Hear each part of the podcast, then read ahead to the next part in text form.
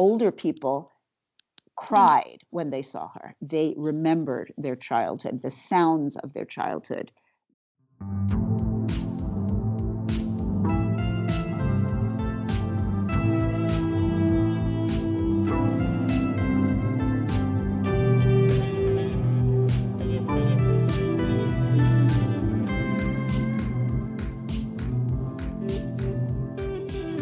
Här är ett specialavsnitt av Inblick som ska handla om Esma Redzepova.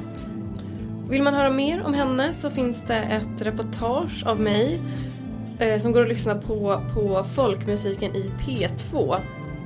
Det här avsnittet och det reportaget kompletterar varandra ganska bra. Och de spelades in samtidigt. Och av upphovsrättsskäl så kommer det inte vara så mycket musik med i det här avsnittet. Men jag kan varmt rekommendera att lyssna på Esmas underbara musik efter avsnittet. Esma slog igenom när hon bara var 13 år gammal och hon blev mot alla odds en av Jugoslaviens största artister. Jag åkte till Nordmakedonien för några år sedan och träffade Vesna Georgievska som var Esmas manager och Eleonora Mustafovska och Simeon Atanasov som var Esmas adoptivbarn. Två av 48 stycken. How do you say like hello in Macedonian? Zdravo. Zdravo, zdravo, dobar den. Dobar den is good afternoon and uh, hello is zdravo. Jag träffade dem i ett vårsoligt Skopje och de berättar om Esma Redzepova. Zbuniti. När hon slog igenom så var det i en tävling på Radio Skopje. Och hon tävlade utan sina föräldrars vetskap. Och de blev mycket arga när de fick reda på det. Mu kažem se jedan zbor s tevačom upotrebom. So why were her parents so angry with her for being in the radio show? Во тоа време било забрането, традицијата не дозволувала да, да се Ženske пее. deca. Да. Uh, because in that time the tradition Ne samo uh, wa- ženske deca, was so Romkite. strong. Uh, she's a Roma special tradition in Roma families prohibition for uh, girls to go out of a house, Not uh, to, to sing just. And they got married so early, at 13, 14 years. In that time, I thought. Vesna förklarar att de romska konservativa traditionerna var viktiga för Esma Redzipovas familj. På den tiden i Skopje höll man helt enkelt inte på med musik som ung kvinna. Om man inte var barsångerska och uppträdde på olika barer. Och det var någonting som Esmas familj absolut inte ville att hon skulle bli. Och någon annan form av musikalisk karriär kunde hennes föräldrar inte tänka sig eftersom att det inte fanns några andra kvinnliga romska musiker. Esma var den första romska kvinnan att nå ut med sin musik bortom barerna. Men det är annorlunda idag, berättar Esmas adoptivdotter Eleonora Mustafovska. Počela sam svoja solo karijera i jednostavno sakam da imam život kako što што а, го имаат девојките од целиот свет. Vesna hjälper till att översätta Eleonoras makedonska. Ромских девојчиња. Eleonora berättar att hon själv är ett exempel på att det finns ett större utrymme för romska kvinnor idag. I am an example. I'm Roma. I'm 27 years old, not married yet. Uh, there is not on my mind now because uh, I, I am focused for making my solo career. Uh, and, uh, but no ima uštenili po tradicija što se mažat mladi. Da, da. But the, there are still in some families girls uh, who got married so early, maybe 16, 17 years old. Vesna berättar om när Stevo Teodosijevski, som senare skulle komma och bli Esmas stora kärlek, bad Esmas föräldrar om att få låta henne, som då var 13 år, få bli sångerska i hans ensemble och låta honom bli hennes manager. And they had very very strong contract Stevo and her parents. Uh, the, par- the only wish of the parents is to, uh, was to prohibit uh, her singing in the restaurants in the cafeterias on wedding days. Uh, they told her if you, are, you, you become to be a concert player it's okay. But if you are going uh, from uh, bar to bar forget it and they started to work hard, how popularity grow up immediately, expressly. Esma Redzepova kom från en familj med konservativa traditioner och värderingar. Hennes föräldrar ville att hon skulle leva ett traditionellt liv. Gifta sig och ta hand om barn, man och hushåll. Men efter en hel del övertalning och löften om att de inte skulle uppträda på barer så blev det till sist som Esma och Stevo ville. Han blev Esmas manager och hon blev sångerska i hans band Ensemble Teodosievski. Esma Redzepova hade något stort och unikt. Hennes röst och inlevelseförmåga. Och med maken och kollegan Stevo Teodosiewskis hjälp och kontaktnät så lyckades hon nå ut till radio och tv och till de stora scenerna världen över. Jag pratar även med Carol Silverman som är antropolog och var vän till Esma och har skrivit boken Romani Roots som handlar om romsk musik. And that's an important uh, moment in Yugoslav media because um, her husband was able to facilitate Esma becoming a stage artist, not a cafe artist, the way most Roma historically have been professional musicians. So when I say a stage artist, I mean the concert stage. I mean radio and emerging television at the time in the 60s. So she was a kind of media sensation at the time when media itself was changing and Yugoslav multicultural media made a statement about being inclusive of Roma. Men tillsammans ville Esma och Stevo åstadkomma mer än bara musik. De ägnade sig väldigt mycket åt välgörenhet och de startade en musikskola och de drömde om att öppna ett museum över deras musik.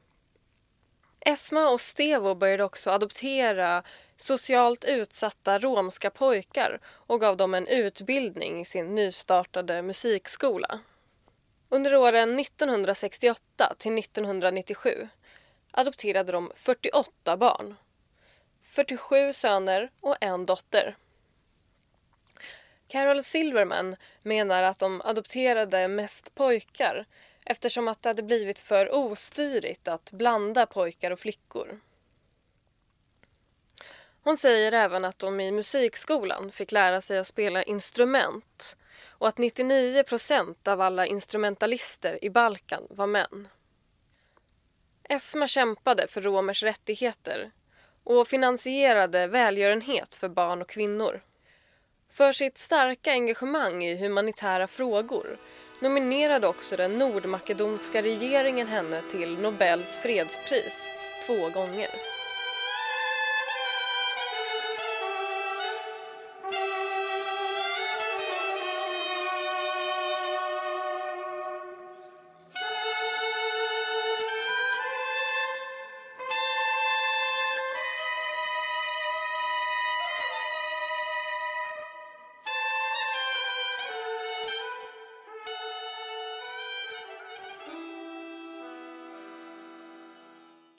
Carol Silverman berättar om karaktärsdrag i den romska musiken.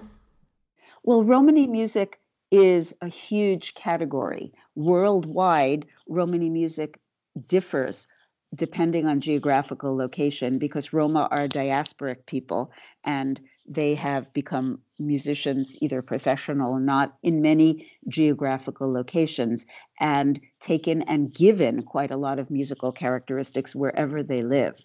So, what I say about Balkan music will not apply to flamenco and will not apply to Finnish Kale music or Russian Romani music. But in the Balkans, Roma have had a historic professional niche for hundreds of years since they came into the Balkans in the 1300s. In terms of the characteristics of the music that um, Roma display, uh, improvisation is very, very important to them. And a typical piece might have some set melodies and then portions where soloists improvise. We also have to mention the vocal music and the texts.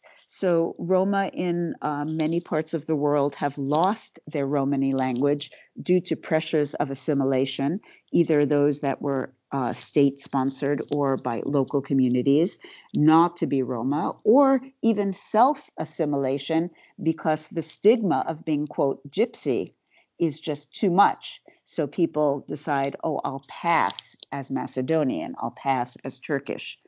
So uh, Romani texts, song texts, exist not only in the Romani language, but in also other local languages. But uh, in the Romani language, there are many, many older songs, songs that talk about the Roma experience. These exist in the other languages as well. They talk about poverty, they talk about discrimination, they talk about a history of being displaced, of sometimes being nomadic, sometimes being sedentary, but having to live on the edge of town, in the slum area, in the ghetto. Um, and they also talk of joy, of the joys of family life, the joys of love, the pain of unrequited love. Many of their songs are similar to other Balkan texts, and some are specific to the Romani experience.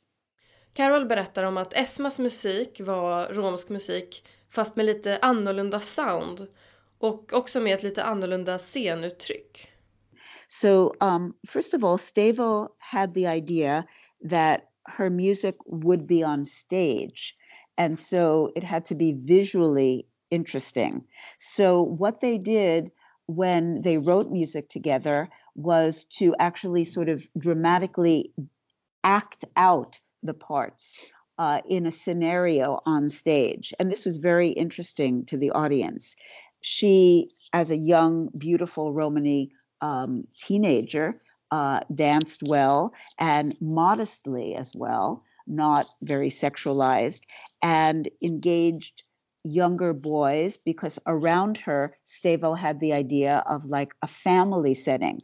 So these um, younger boys that they were training from the very beginning became part of their band. They also used musical elements from the time, from the 60s, so kind of doo wop and some even Latin beats. They swayed from side to side with the rhythm. Plus, uh, the songs were really catchy. The tunes were catchy. Stevo and Esma um, wrote them or each contributed parts to them Esma texts and music, Stevo arrangements uh, quite regularly.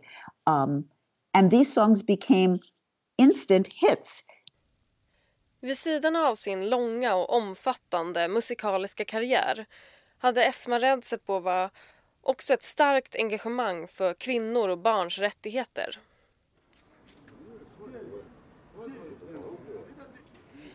Två av Esma Redzepovas adoptivbarn, Eleonora Mustafovska och Simeon Atanasov, sitter intill mig på ett eh, café i Nordmakedoniens huvudstad Skopje.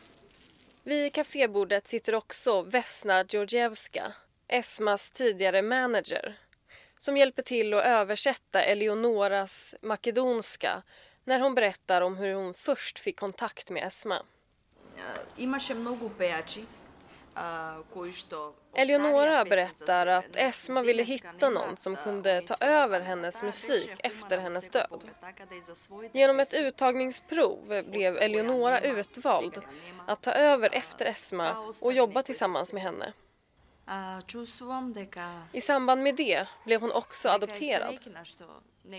Esma var Eleonoras stora idol och hon berättar hur stort det var för henne att få Esmas förtroende och föra hennes musik och artisteri vidare.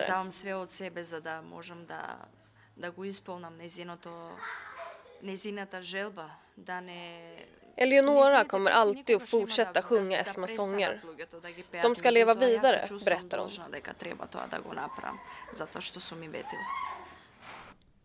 Även Simeon Atanasov berättar om när han träffade Esma första gången.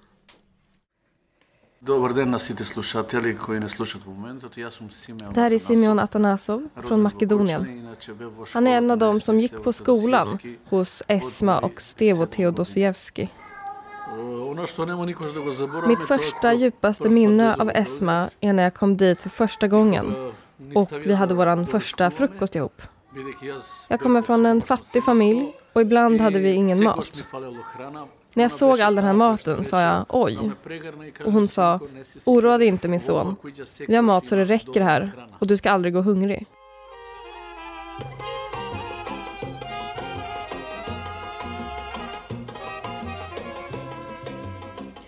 Vi hör Carol Silverman igen om när Esma och hennes band turnerade i Indien. They made two trips to India, which was unheard of at the time.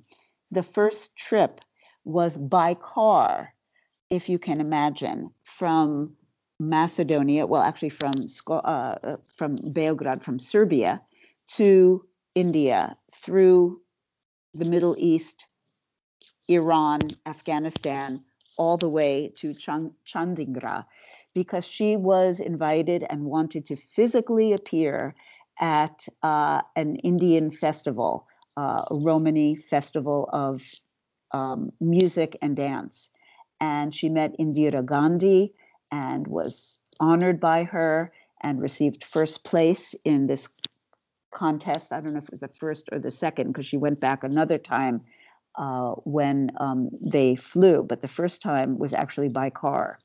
And it was Stavo and several of the young sons driving across the Middle East, Central Asia into South Asia. Det var Indira Gandhi som först kallade Esma drottningen av den romska musiken.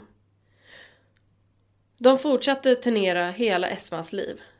When Esma was in America, for example, for her last tour, people in their 50s, 60s, older people cried when they saw her. They remembered their childhood, the sounds of their childhood, the scenarios of watching early television. Esma Redzepova gjorde över 22 000 konserter och hon turnerade världen över ända tills hon dog 2016 i Skopje. Hon blev 73 år gammal. Vesna, Eleonora och Simeon berättar att Esma själv hade planerat att Eleonora skulle ta över hennes plats i bandet och att Simeon skulle förvalta hennes arv. Hon ville att en del av arvet skulle gå till Nordmakedoniens kulturministerium och hon ville också öppna ett museum över henne och Stevos musik. Men en arvstvist med Esmas biologiska familj satte stopp för de planerna. Det stora huset som Esma bodde i innan hennes död och som hon ville skulle bli ett museum står idag tomt och öde. Tillsammans med Eleonora och Simeon åkte jag upp till huset där Esma bodde tillsammans med Stevo och med sina söner och med sin dotter. Huset ligger på en kulle med utsikt över Topana, den del av Skopje där Esma växte upp. När man tittar ut över Topana så ser det ut som en beige massa. Det är mycket sten och tegel och det är ingen växtlighet. Och här och var sticker upp kors från kyrkor och månar från moskéer. Esmas gamla hus är rosa och vitt med pelare och balkonger där hjärtan är utmejslade i räckena. Simeon och Eleonora har inte varit där sedan hon dog och de blir båda lite ledsna. Huset är helt öde. Några fönster är trasiga och trädgården är övervuxen med ogräs. Det känns sorgligt att huset står tomt, säger Simeon och kämpar för att hålla tillbaka tårarna. When we come from Belgrade in uh, 1990 we come here and we start from the beginning to grow up the house yeah. and everything.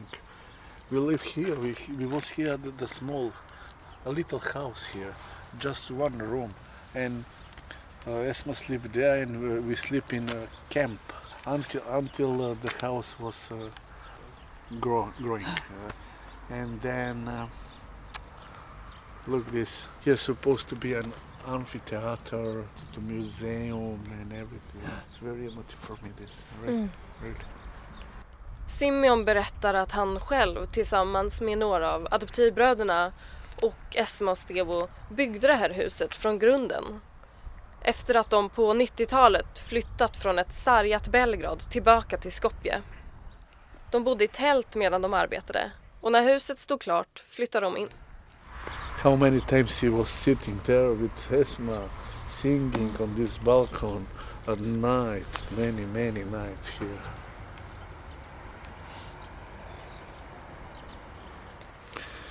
I don't know what to say really. Även antropologen Carol Silverman har fina minnen från Esmas gamla hem.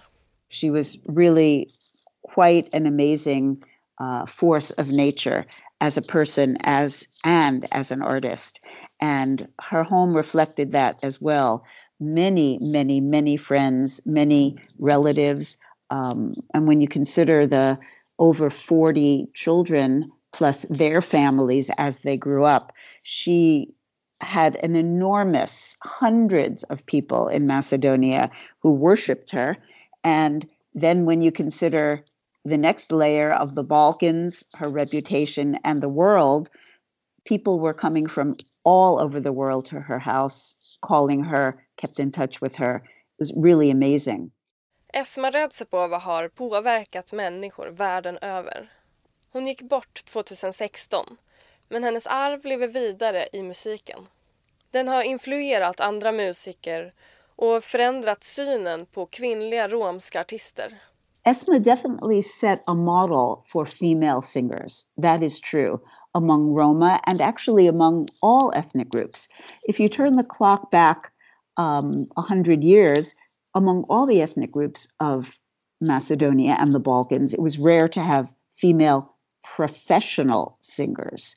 Fortfarande domineras den romska musikscenen av män och fortfarande är det ganska ovanligt med kvinnliga romska sångerskor. Men det finns några få och även om det går långsamt så syns allt fler kvinnliga romska artister idag, säger en hoppfull Carol Silverman. Today there are several female singers that I hope will be models for other Romani female singers who are very talented, who might sing at home at wedding celebrations or in the house, but really don't have the chance to become professionals. And hopefully that will be changing.